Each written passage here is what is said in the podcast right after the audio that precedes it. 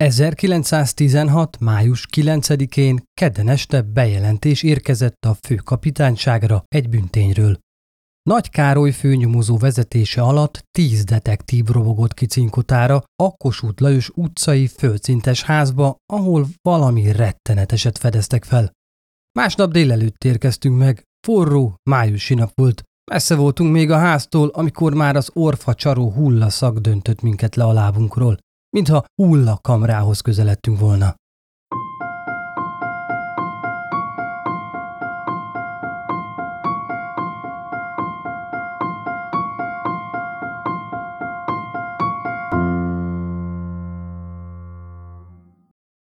Sziasztok, Szatmári Péter vagyok, és ez itt a Bűntények Podcast. Ismét egy nagy port kavart, brutális esettel jelentkezünk, mely ugyan már több mint száz éve történt, Mégis a mai napig ez az ország egyik legtöbb áldozattal járó, megoldatlan gyilkosság sorozata. Hallgassátok meg a cinkotai bádogos, gyomorforgató történetét. Köszönjük a tippet és a helyszíni kalauzolást Fadil Basárnak. Ifjav Kresinski Márton háztulajdonos és Lukács István gyógyszerész barátja kedden a kora délutáni órákban kimentek cinkotára, hogy a Kossuth Lajos utca 40 szám alatti ingatlan állapotát felmérjék. Az udvarban volt egy másik kis lakás, amelynek a bérlője a háború kitörése óta fronton harcolt. A házhoz egy nagyobb fáskamra is tartozott – a tulajdonos barátjával arról beszélgetett, onnan lehetne a vakoláshoz szükséges anyagokat beszerezni. Takácsnak eszébe jutott, hogy emlékei szerint a bérlő fészerében látott egyszer hasonló alapanyagokat, amelyeket a munkálatoknál fel tudnának használni. Az albérlő úgy sincs itthon évek óta, nem hiányozna neki. Emlékezett arra is, hogy egyszer nagy mennyiségű nádat is látott bent. A tulajdonos és a gyógyszerész kinyittatta a fáskamrát, majd beléptek a helyiségbe. Barátságtalan és elhanyagolt hely volt ez a kamra, látszott, hogy évek óta nem járt benne senki. Padlatán kinőtt a fű.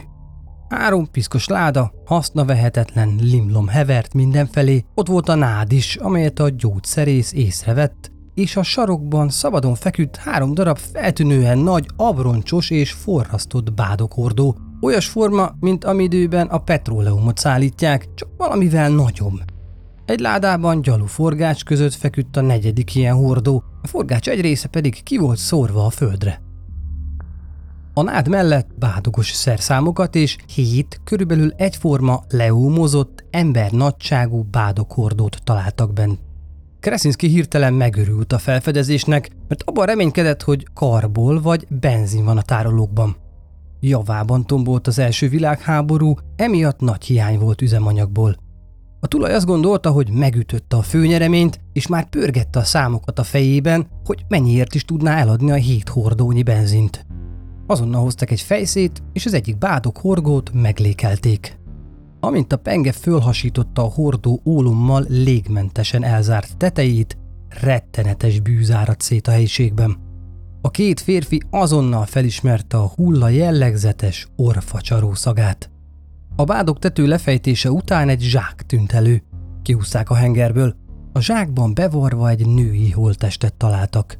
A nyaka tájékán folytogatás nyomait lehetett felismerni, természetesen bizonytalanul, mert a holttest már oszlástak indult. Nyomban értesítették a rejtelmes felfedezésről Huszka Gyula cingotai főjegyzőt, aki dr. Kuhárik Ferenc körorvossal és a helyi csendőrséggel másnap meg is jelent a házban. A főjegyző rendeletére a csendőrök egymás után bontották fel a maradék hat hengert, és nagy meglepetésükre mindegyikből zsákba varrott női holtest került elő. Amennyire meg lehetett állapítani, a meggyilkolt és a megfojtott nők 20-30 év körüliek voltak – a hullák gondosan bele voltak varva a zsákokba, a bádok henger pedig légmentesen le volt zárva. Pontosan úgy, mint egy konzervdoboz, így az oszlásnak indult tetemeg bűze a bádok hengeren nem hatolhatott át.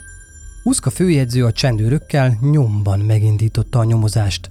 A hordókat időközben a cinkotai temetőbe szállítatták a hatóságok. A testeken az elkövető ujjainak nyomait sötét véraláfutásokként tisztán fel lehetett ismerni a nyakon. A rendőröknek nem is volt kérdés, hogy a nők halálát folytogatás okozta. Feltételezhető azonban az is, hogy még az életben lévő áldozatokat kezükön lábukon megkötözte a gyilkos, a törzset pedig a hurokkal annyira meghajlította, hogy azok gerincoszlopa eltörött. Ha nem is a fulladás okozta a halálukat, ez biztosan kioltotta az életüket. A gyilkos a hullákat azután ruhástól belegyömöszölte a kisebbik bádokhordóba, ez pedig egy nagyobb tartályba helyezte. Ezután ólommal leforrasztotta a tárolók tetejét. Már a nyomozás legelején felvetődött a gyanú, hogy a bestiális gyilkos áldozatainak száma több, mint a tárolókból előkerült hét női holtest. Megerősítették ezt az időközben befutott bejelentések is, amelyek szerint szemtanúk akadtak, akik látták, hogy a testes éjszakánként talicskán szállította ki a holtesteket a cinkota határában lévő dögtérre, ahol azután elásta őket. A rendőrség természetesen azonnal megkezdte a hatalmas kiterjedésű terület felásását. Kisebb gödröket ástak több helyen, ezek azonban nem vezettek eredményre. A pöccegödröket is átkutatták, de ott sem találtak semmit. Itt tehát valószínű, hogy ha a gyilkos a hét nőn kívül másokat is megolt, akkor a holtesteket másút rejtette el. Másnap csütörtökön a cinkotai temető valóságos búcsújáró helyé változott. Sorra jelentek meg olyan emberek, akiknek az utóbbi években valamilyen női hozzátartozójuk eltűnt. Az akácfák tövében a szabad ég alatt délelőtt 10 órakor kezdték meg az áldozatok boncolását. Három asztalt állítottak fel, három másikat pedig a törvényszéki jegyzők számára hoztak. Azon kívül gondoskodtak meleg és hideg vízről, dézsákról. A közösségi bíró pedig egy cinkotai asztalosnál hét gyalulatlan koporsót rendelt meg. A sírások kihozták a halottas kamrából az első bádokhordót, amelyet a gyilkosság felfedezésekor még a Kossuth Lajos utcai házban fel is bontottak. A tároló fedelét levették és kiszedték a sok rongyot, amely a holttestet takarta. Ez volt az a holttest, amelyről a helyszínen megállapították, hogy a zsinegelés és fulladás következtében állott be a halál. A tettem rettenetes állapotban volt. A törvényszéki orvos megvizsgálta a holttest fejét. Már egészen megfeketedett, csak a hajfonatok voltak éppen. Az arc azonban csak nem felismeretetlen volt, és a legkisebb érintésre is szétmálott. Képzeljük csak el, milyen lehetett, amikor már két éve volt a hordóban. A nyakára ötszörösen erős zsinort tekertek, a szája pedig egy virágos fejkendővel volt betömve. A lábain hosszú szárú gombos cipő és vastag harisnya. A test alatt összegyűrt téli kötött pamut kabátot találtak. Egyéb külső sérülés nyoma a fejen és a nyakon nem volt látható. Az orvosok igyekeztek leszedni róla a ruhafoszlányokat. Sok szoknya volt a megboldogult lányom, legfelül egy lila vászonaj fehér petyekkel, alatta két sötétebb alsó szoknya, meleg téli alsó ruhák. Felső testén barna blúz, alatta csipkés pruszlik és legalul egy csíkos ing. Sajnos felismerhetetlenül oszlásnak indult. A hullaszag a még sokat látott boncmesterek számára is elviselhetetlen volt. Az eseményt figyelemmel kísérő lakosok közül többen elfordultak hányni, néhányan megtántorodtak. Egytől egyig mindenki zsebkendőt fogott az arca elé, hogy az iszonytató szagokat valamennyire tompítsa.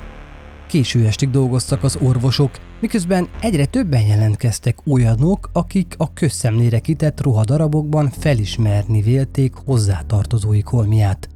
A nagy nyilvánossággal lefolytatott vizsgálat eredménye járt. Az első számú Bádok hengerben Varga Katinak egy cinkotai vendéglős 1914 elején eltűnt szakácsnőjének holteste volt. A lánynak egy kis Béla nevű bádogos udvarolt, sőt, házasságot is ígért neki. Az sem volt titok, hogy a lánynak 500 korona megtakarított pénze van, amit egy posztóerszényben a nyakán hordott. 1914. januárjában egy hideg téli napon Pestre indult, hogy pénzét betegye a takarékba. Soha többé nem látták viszont élve. A második számú hengerben egy teljesen összezsugorodott hulla feküdt, valamiféle sárgás anyagba tekerve. Csak a cipője látszott ki, de a test körvonalait ki lehetett venni. A fej teljesen el volt takarva, és csak itt-ott tűnt ki a hosszú haja.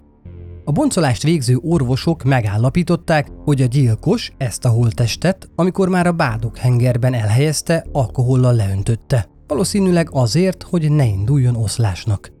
Feltehetően attól félt, hogy a bomlás során keletkező bűz valahogyan kiszivárog majd, és ez lebuktathatja.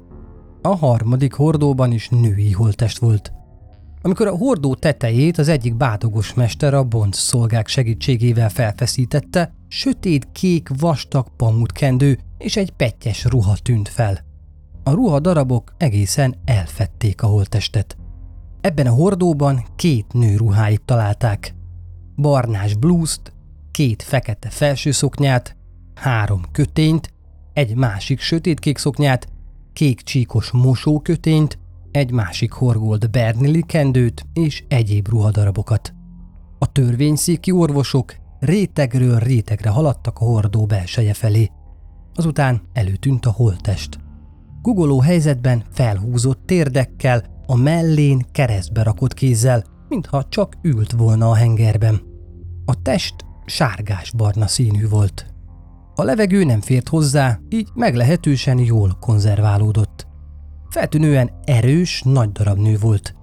A haját, amely nyomban levált a fejbőrről, ott helyben egy dézsában kiáztatták, a napon megszárították és úgy állapították meg, hogy az eredetileg sötét barna színű volt. Nyakán szintén hurokba kötött erős zsinort találtak. Kétségtelenül megállapíthatta az orvos, hogy neki is zsineggel való megfojtás okozta halálát. A második számú hordó hullájáról az erősen odatapadt inget ollókkal fejtették le. Az orvosok felboncolták, utána a ruhadarabokat, amelyet a harmadik számú hordó tetején találtak, fölmutatták a temetőben jelenlévők között, de nem ismerte fel senki. Amíg tartott a boncolás, a rendőrök kihozatták a temetőbe azt a kis karbidos hordót is, amelyet a Kossuth utcai ház kamerájában találtak. Ebben mindenféle ruhadarabot találtak egy fekete női szőrmeboát, egy téli kalapot, egy kopott kézi erszényt, két alsószoknyát és néhány blúzt. Ezeket a tárgyakat mind kiteregették a fűre, azután oda vezették azokat, akiknek az elmúlt időszakban tűnt el lány vagy női rokonuk. Özvegy Tóth Istvánné az 1906-ban eltűnt Tóth Margit 76 éves édesanyja a fekete ajban és a kézi erszényben felismerte a 10 év előtt eltűnt lányának holmiát. Sírva fakadt, amikor a ruhákat megpillantotta, és kijelentette, hogy ezek egészen bizonyosan a lányáé voltak. Szülősi Gáspárné, a kelentföldi cipészmester felesége is jelen volt a temetőben, Elmondta, hogy édesanyjának nővére Tóth Mária, a 26 éves szakácsnő 1906-ban szintén eltűnt. Tóth Mária is jegyben járt ezzel a bizonyos kisbélával, sőt, már ki is volt tűzve az esküvő, amikor Mária a szolgálati helyéről hirtelen eltűnt. A nő a ruhák közül a kék sejem alsó szoknyában, a fekete boában és a kalapban ráismert nagyényének, Tóth Máriának személyes tárgyaira. Délután két órakor került sor a negyedik számú hordó felbontására. Ebből a hordóból is egy női holttest került elő. A test zöldes színű folyadékban volt elmerülve, amikor kiemelték, a folyadék vastag zöld patinát vont a test köré. A boncoló orvosok megállapították, hogy rézgálic. A gyilkos ezzel öntötte le a holttestet a megfojtás után, valószínűleg szintén azért, hogy jobban konzerválódjon. Ez az áldozat is ülő helyzetben került elő a hordóból, arca azonban teljesen eltorzult, a szájában szintén zsebkendő, a nyakán erősen összehurkolt kötél. Teljesen felöltözve találtak rá. Amikor levetkőztették, a derekán fűző volt, a lábain pedig feltűnően kicsi, magas, szárú gombos cipő. A ruházatát nem ismerte fel senki. Ezután az ötödik hordóra került a sor. Ebben is ülő helyzetben lévő női holttestet találtak, amelyet azonban csak nagy ügyel bajjal tudtak a boncoló asztalra helyezni. A test alsó része már egészen oszlásnak indult, ezért rothadó húsdarabok leszakadtak a csontról. Amikor végre kiterítették az asztalon, kezdetét vehette a boncolás. Csak ing volt rajta. Az inget Andreánszki lefejtette. A felső csipkézet részén előtűnt egy hímzett monogram. T.M. Azonnal megmutatták az inget Tóth Istvánnénak, aki már a harmadik számú hordó felbontásánál felismerte leányának, Tóth Margitnak a ruhájait és erszényét. Az öregasszony fölsikoltott, zokogva mondta, hogy kétségtelenül a gyermeke holteste került most elő az ötödik hordóból. Megismeri a hímzést is. A díszt maga a leány hímezte. Mutatta, hogy egy másik ingen is ugyanaz a monogram van, és tényleg a két minta teljesen megegyezett. A csendőrök elvezették az okogó asszonyt, de még mielőtt elhagyta volna a temetőt, hátrafordult és azt mondta. Kétezer koronát és ékszereket csalt ki tőle kis Béla. Szegény, szerencsétlen lányom. A férfi udvarolt Tóth Margitnak is, később meg is kérte a lány kezét. A hozományt a szép reményű vőlegény elkérte, akinek aztán elmaradtak a látogatásai. A család, amikor rájöttek, hogy csalóval van dolguk, feljelentést tett a rendőrségnél. 1906. április közepén lett volna a per tárgyalása, április 8-án azonban Tóth Margit hirtelen eltűnt. Hiába keresték, nem találták. Két nap hiába való várakozás után az egyik barátnője kiment Cinkotára Kisbélához, ahol a férfi azt mondta neki, az éjszaka összezördültünk, mennyasszonyom elutazott. A lány még egy levelet is küldött aggódó szüleinek, amit persze nem ő írt. Kedves jó anyám, bocsásson meg, hogy a rágalmak elől egy időre eltávozok. Lánya, Margit. Az eltűnt lány sógornője, Tóth Antalné, akkor kiment Cinkotára kishez. Őt azonban nem találta otthon, csak a segédjét Nagy Jánost. Ő azt mondta, hogy a gazdája hadgyakorlatla vonult be. Tóték ekkor feljelentést tettek a rendőrségem, amely meg is indította a nyomozást. Az eltűnt lányt azonban nem tudták megtalálni. Mint hogy Tóth Margit eltűnt, a törvényszék a Kis Béla ellen intézett bűnügyét nem tárgyalhatta, és beszüntette azt. Tóték azonban nem nyugodtak meg ebben, hanem addig jártak, keltek, kutattak, amíg megtudták, hogy Kis Béla házassági ígéreteinek az eltűnt lány egyik barátnője, Komáromi Erzsi több ízben fültanúja volt. Újra följelentést adtak be Kis Béla ellen, és kérték, hogy Komárom Erzsébetet idézzék meg a tárgyalásra. A törvényszék kis tűzte a tárgyalást. Néhány nappal a tárgyalás előtt azonban Komáromi Erzsébet is nyomtalanul eltűnt. A család a legszörnyűbb rémálmaiban se gondolta volna, hogy Margit tíz év múltán egy bádok hordóból kerül elő. A nő a cinkotai gyilkos első áldozatai között lehetett, a holttest állapotából ítélve. A férfi talán azért ölte meg, mert már tárgyalásra idézték abban a családi perben, amelyet Tóth Margit indított ellene. Este hat óra volt, amikor az orvosok az öt holttest boncolásával végeztek. A bizottság elhatározta, hogy a két utolsó hengert fölbontja ugyan, de a boncolásokat csak pénteken ejti majd meg. A hatodik és hetedik hordóban szintén női holttesteket találtak. Ez a hatodik számú hordó volt a legnagyobb. Átmérője meghaladta az egy métert. Fölfeszítették a fedelet, majd megpillantottak benne egy magas, erősnek látszó kövér női holttestet. A hullán csak ing volt. A feje mellett egy kézi erszényt találtak, amelyet Kenyeres Balás késsel felmetszett. Üres volt. A hetedik számú hordót a bűntény fölfedezése után a fáskamrában egy ládában rejtve gyaluforgácsok között találták meg. A teteje be volt horpadva.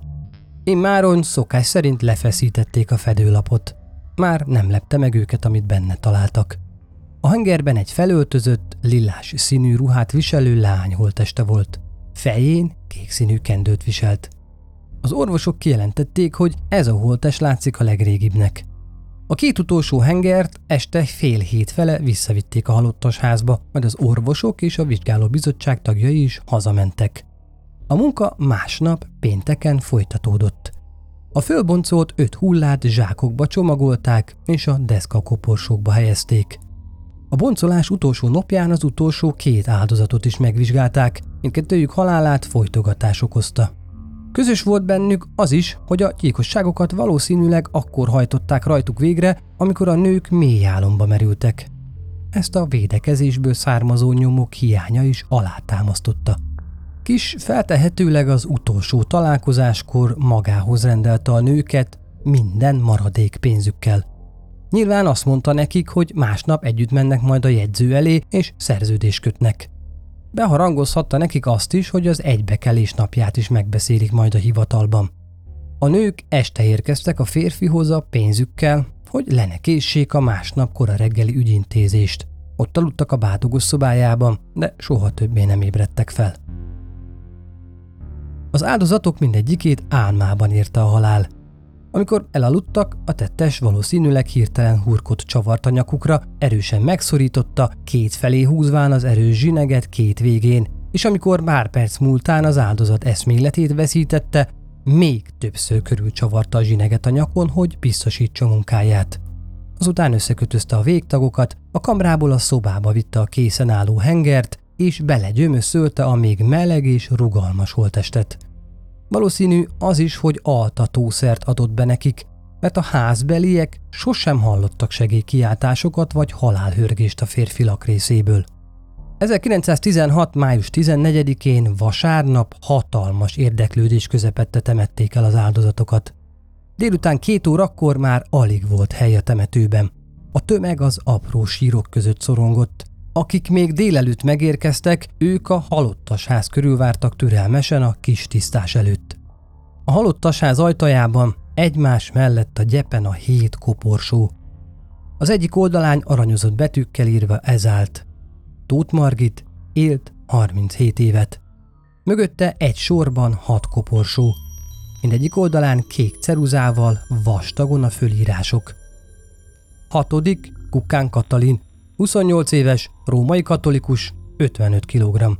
Első, Varga Katalin, 28-30 éves, római katolikus. A két ismeretlen holtest tartalmazó koporsó elé járultak sokan azok közül, akiknek valamikor valakiük eltűnt, és most három napon át kijártak a cinkotai temetőbe. Abban bíztak, talán felismernek egy ruhadarabot a hengerekből kikerült szoknyák, blúzok, csatok között. A gyászbeszéd után felhangzott az egyházi ének. A koporsókat beszentelték és elvitték a sírok felé. A temető szélén öt gödröt ástak meg egymás mellett. Néhány lépésnyire a hatodikat, a hetediket pedig a többiektől valamivel távolabb. Noha a halottakat eltemették, a közvélemény nem nyugodott meg. Minden jel arra mutatott, hogy Kis Béla, a cinkotai bádogos mester felelős a gyilkosságokért. Ő bérelte ugyanis azt a kis udvari házat, amelynek a kamrájában megtalálták a hordókat, illetve több áldozathoz is gyengét szálak fűzték.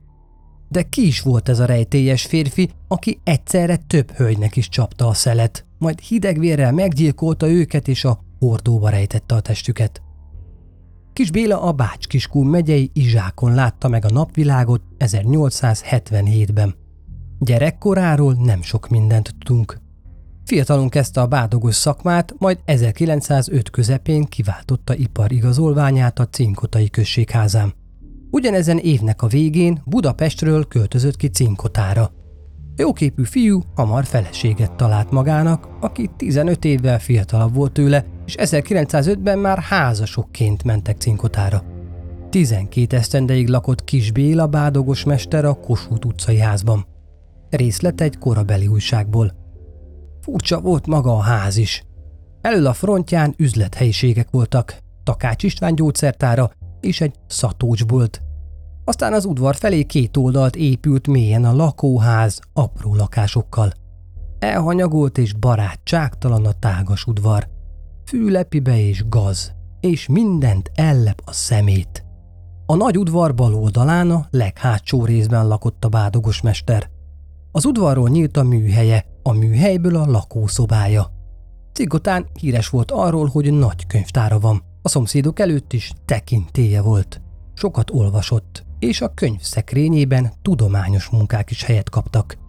A műhely hátsó részén szemben az udvarra nyíló ajtóval kis konyha húzódott szerényem. A konyhának is van ajtaja, apró, gyepes, elkerített kis udvarra nyílik.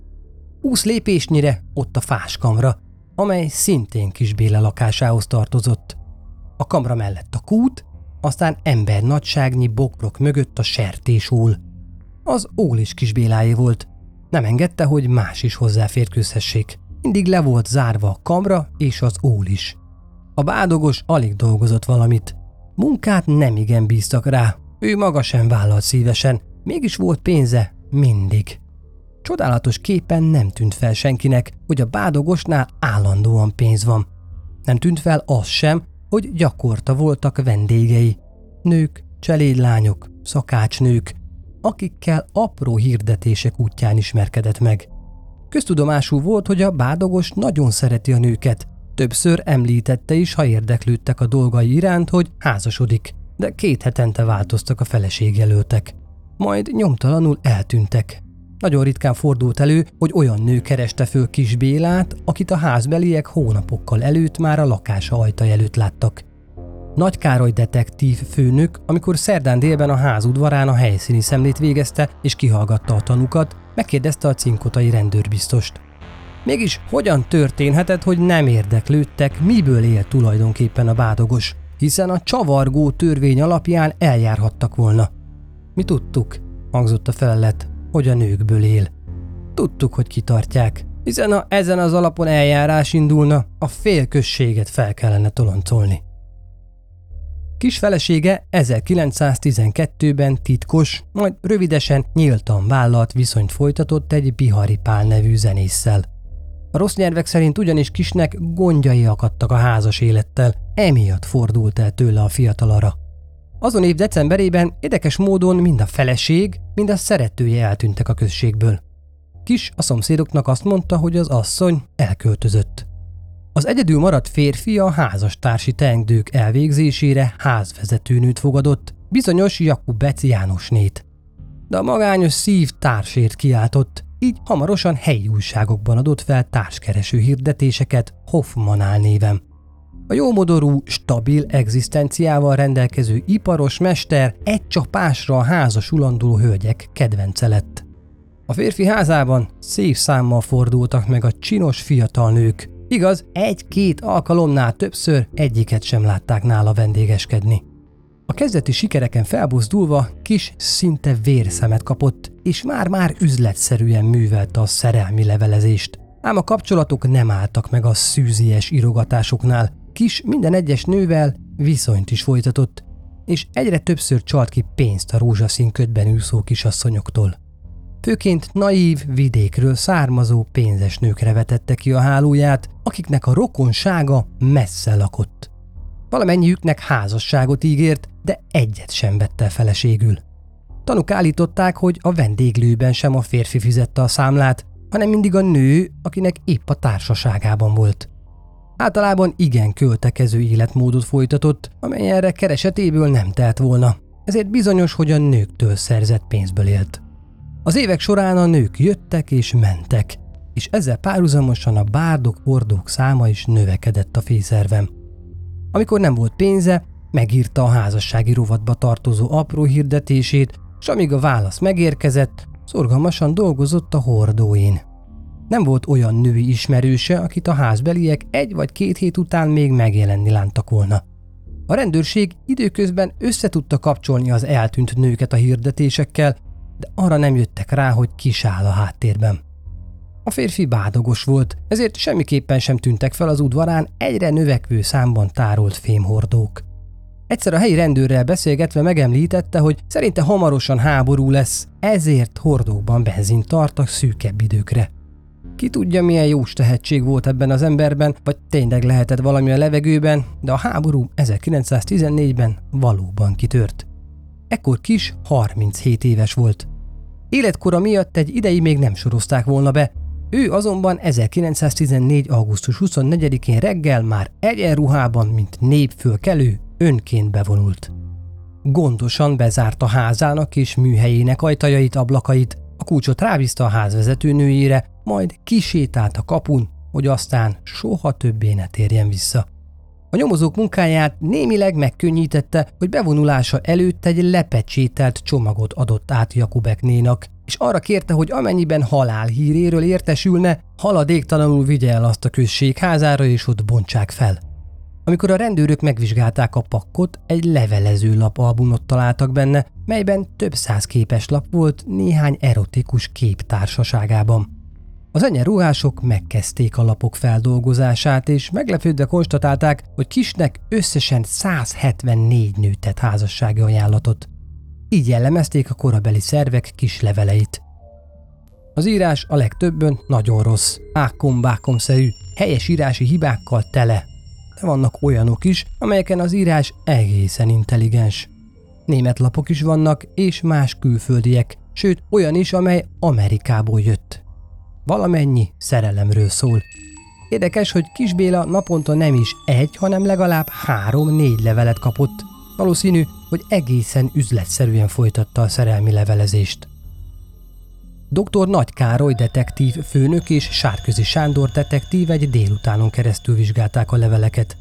Rögtön meglátszott, hogy az albumba eleve egy bizonyos rendszer szerint vannak elrendezve, de persze mindegyik ugyanarról szólt, szerelemről, találkáról és házassági tervekről. Kedves Béla, szerencsésen hazaérkeztem. Semmi bajom, hála Istennek nem történt. Csak nagyon üres minden, ha kimegyek az utcára, vagy akárhová megyek, nem látom önt, drága babám. Olyan nehéz visszagondolni Mátyás földre, úgy fáj a szívem. Bocsásson meg, hogy ilyen csúnyán írok, de a könnyeimtől nem látok. Úgy fáj a szívem, hogy olyan messze vagyunk egymástól, de talán már nem tart sokáig. Róza. Kedves kisúr, becses sorait megkaptam, amelyek engem nagyon lesújtottak. Vártam önt, és ön helyett egy nehéz levelet kaptam. De milyen nehéz levelet? Látja, édes kisúr, ilyen egy szegény lánynak a sorsa. Lehet bármilyen tisztességes, ha szegény. Nagyon köszönöm, hogy levélben tudatta, hogy nem szeret, mert nem szerettem volna, ha ezen meglepetés máshol talált volna, mint itthon, mert itthon legalább kisírtam magam. Édesanyám megmondta, hogy járok, hogy akit én szeretni fogok, az majd nekem kikosaraz. Tisztelettel, a bánatos kis cigány. Itt annyi megjegyzést érdemes tenni, hogy a lány minden bizonyal túl szegénynek bizonyult, ezért aztán nem is foglalkozott vele is. De ravasságát is jól mutatta óvatossága, sosem állt szóba olyan nőkkel, akiknek a közelében éltek közeli rokonai. Budapest, április 2. Kedves nővérem és sógorom, nagyon sajnálom, hogy nem búcsúztam el tőletek, engem ne keressetek, mert én elutaztam. Címemet majd küldöm aztán. Ami holvim ott van, ha szükség lesz rá, írok vagy jövök érte. Többet engem ne keressetek, ne is törődjetek velem. Ámen. Ez utóbbi egy lezárt borítékban volt, amelyet a detektív a főjegyző tanúskodása mellett bontott ki. Kis Béla talán azt ígérte áldozatainak, hogy Amerikába viszi őket. Pénzt mondjuk nem találtak a levélben, és kis nem is adta fel soha. Hogy miért, ez rejtély maradt, de azért a módszerre tudunk belőle következtetni. A detektívek végül kiválasztottak 23 levelet, amelyeket a nyomozás szempontjából fontosnak tartottak, és már is készen volt egy névsor, amelyet össze lehetett vetni az eltűntek nyilvántartásában szereplő nevekkel. A korabeli sajtó pedzegette azt a kérdést is, hogy talán kisnek jóval több áldozata lehetett, mint ahányat a fáskamrában megtaláltak. De mindez csak feltételezés maradt, mert a holtesteket sosem találták meg, és így nem kerülhetett pont az ügy végére. A következő röpke kis történet is jól pénzlázza, hogy a megtaláltnál sokkal több áldozata lehetett kisnek. A község házán Balla Gyöngyike, egy élelmiszerárus lánya elmondta, hogy négy esztendővel korábban, amikor az Erzsébet királynő úton vendéglőjük volt, megjelent ott egy ember, aki gépésznek adta ki magát. Hevesen elkezdte csapni a szelet húgának, Ilonának. A férfi többször is elment hozzájuk, mert a lehányt rá akarta beszélni, hogy szökjenek Amerikába. Ilonának volt néhány száz korona megtakarított pénze, és amikor az összeget kivette a takarékpénztárból, a nővére felelősségre vonta. Ilona nem akarta megmondani, mit akar kezdeni a pénzzel, és néhány nap múlva 1912. március 12-én örökre elment hazúról, búcsúlevelet hagyva maga mögött, amelyben közölte, hogy jó ideig nem fogják őt látni, ezért ne is keressék. Mikor később kis arcképe megjelent egy reggeli újságban, Balla Gyöngyike felismerte a képen az állítólagos gépészt, aki annak idején a hugát minden áron Amerikába akarta vinni. Akkor tudatosult benne a felismerés, hogy már soha többé nem fogja látni testvérét. Mivel egyetlen holtest vagy ruhadarab sem vezette őt Ilona nyomára, így valószínűsítető, hogy ő is egyike volt kis azon áldozatainak, akiket sosem találtak meg. A gyilkosságok felfedezése után a rendőrség szinte azonnal felvette a kapcsolatot a katonasággal, hogy minél előbb kerítsék elő kist. A beérkezett jelentés szerint a szerb harctéren útépítésnél dolgozott Vallevo közelében, majd sebesülten az ottani hadikórházba került, ahol állítólag meghalt. Budapestre megérkezett a Valjevói hadikórház halotti levele is, amely azt tanúsította, hogy Kis Béla tifuszban halt meg, sebesülése ugyanis nem volt halálos. Az kétségtelennek látszik, hogy a cinkotai rém ott tartózkodott a Valjevói hadikórházban, de nem lehet kizárni, hogy az akkori zűrzavaros időkben valahogyan ő kaparinthatta meg a kórház irodába érkező letartóztatási parancsát. A körmönfont gonosztevő, aki ott irodai terendőket végzett, halotti levelet hamisíthatott a saját nevére, és ezt küldte el Budapestre. Manipulációját megkönnyíthette az akkoriban bekövetkezett katasztrofális valjevói visszavonulás, amelynél a rend felborult, és a monarchia csapatai visszaözönlöttek a hátrább fekvő úszágrészek felé. Ebben az űrzavarban akár szerb hodifogságba is kerülhetett, majd később a menekülő szerbek Korfu szigetére hurcolhatták magukkal, innen pedig meg is szökhetett, már ha ugyan egyáltalán életben maradt. A halálát erősíti az a vallomás is, melyet egy katona Jáger Antal kötérgyártó tett. Jáger szerb fogságból szökött meg és cinkotán kötött ki. A csendőrök előtt azt mondta, hogy Kis Béla a szerb hadifogságban tifuszba esett és meghalt. Utolsó levelét feltehetően egy szobalánynak, bizonyos Darvas Rózának küldte. A Dél-Magyarország korabeli beszámolója így ír az esetről. A cinkotai borzalmas bűnügyben a nyomozás újabb és megdöbbentő adatokat vett felszínre.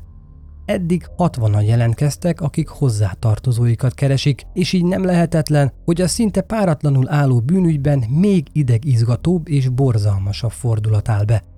Darvas Róza szobaleány, aki pénteken jelentkezett a rendőrségen, elmondta, hogy kis levelet írt neki Valjevói hadifogságából, amelyben 50 koronát kért tőle. Darvas Róza elmondta, hogy kis házassági ajánlatot tett neki, és már a második találkozásnál 200 koronát is kért. Ő is kiment kis Hesztinkotára, de sikerült megúsznia, mert rosszul érezte magát, és csak hamar eltávozott. A levél pedig így hangzott.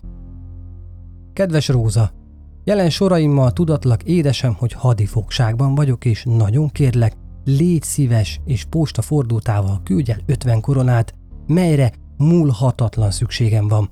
Ölel viszont látásig Béla. Hiába tűnt úgy, hogy kis valóban életét vesztette a fronton, mégis éveken keresztül kerintek olyan legendák, melyek szerint kis itt-ott felbukkant. Ilyen volt például az is, hogy egy férfi, aki a francia idegen légióban szolgált, egy különösen kegyetlen őrmesterében felismérni véltek ist. Más források szerint az afrikai légióban szolgált. Bizonyos Fuller Péter nevű ember kalandos utakon hazaérkezett Afrikából, ahol az idegen légióban teljesített szolgálatot. Azt állította, hogy együtt volt a szerb harctérről megszökött Kisbélával, aki a légióban őrmesteri rangot nyert, és mindenkinek dicsekedett borzalmas tetteivel, sőt, ezáltal tekintére is tett szert. Egy alkalommal megegyezte, hogy otthon őt halottnak hiszik, különben sem fontos, hogy mit gondolnak róla, úgysem kerül haza. Egy marokkói nővel élt ekkor együtt, és légióbeli társai vigyáztak arra, hogy ezt a nőt ne tegye el lábalól. Az Ellenzék című lap 1921. augusztus 9-i számában pedig azt állították, hogy Moszkvákban él, mint kommunista párttitkár. Állításuk szerint Kis Valjevónál elcserélte egy elesett katona igazolójegyét, és azt temették el helyette. A legvadabb elmélet szerint a cinkotai tömeggyilkost az Egyesült Államokban a Cheesy Peak öböl környékén látták felbukkanni, és a jelentések szerint Kis Béla egy ottani gangsterbandával állott összeköttetésben egészen elfogatásáig. Az amerikai hatóságot levelekkel árasztották el, amelyekben a levélírók azt közölték, hogy az a férfi, aki az értesítések szerint Kisbélával azonos, az első világháború utáni években került Amerikába. Az 1930-as évek elején történt emberrablásokban is szerepet játszatott. A kapott fényképek alapján a tanúk határozottan felismerni vélték Kisbélát, de kijelentették, hogy csak szembesítéssel tudnának végleges vallomást tenni. Mivel egyik állítás se bizonyult hitelesnek, így lényegében soha nem derült ki, hogy hogyan halt meg a cinkotai bádogos, aki az egész országot sokkolta kegyetlen tetteivel. Az viszont érdekes, hogy a férfi egyfajta popkulturális ikonná vált az évek során, és története nemzetközi karriert futott be. Francia forgatókönyv, amerikai képregény, svéd metázanakar született a páratlan történetéből. Néhány éve a népszerű amerikai sorozat a Dexter elevenítette fel a hírhet történetet.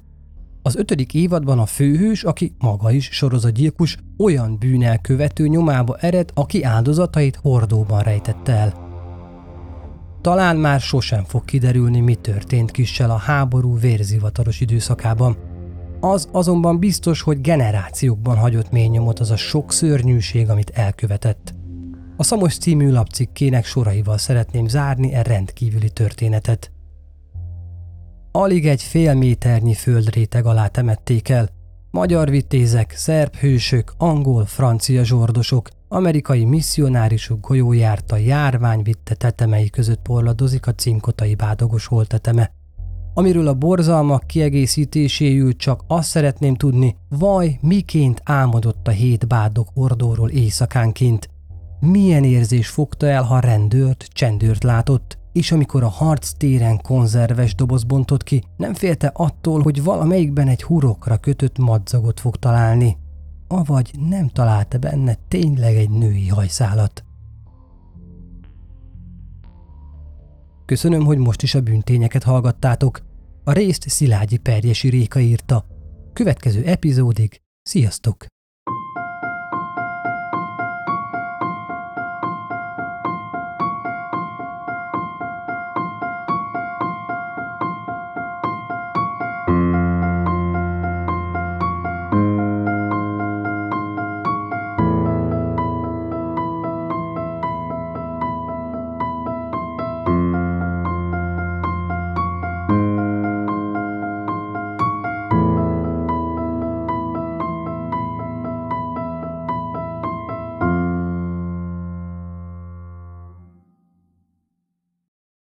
Ha más podcastekre is kíváncsi vagy, hallgassd meg a Béton műsor ajánlóját. El tudod képzelni, hogy a podcastet, amit éppen most hallgattál, fél év múlva már a mesterséges intelligencia generálja? Mi sem. De ha érdekel, eljött már a gépek lázadása. Hallgass bele az Embertelen podcastbe. Orsós Lajos vagyok, a műsor házigazdája. Egyelőre még élőben. Egyelőre. Fedezzük fel együtt, hogyan ismerkedik, randizik, mesél és vitatkozik Betty és Péter, két teljesen mesterséges intelligencia. Lajos, a podcast címét mond még egyszer, Léci. Oké. Okay. Embertelen podcast. Ez a műsor a Béton közösség tagja.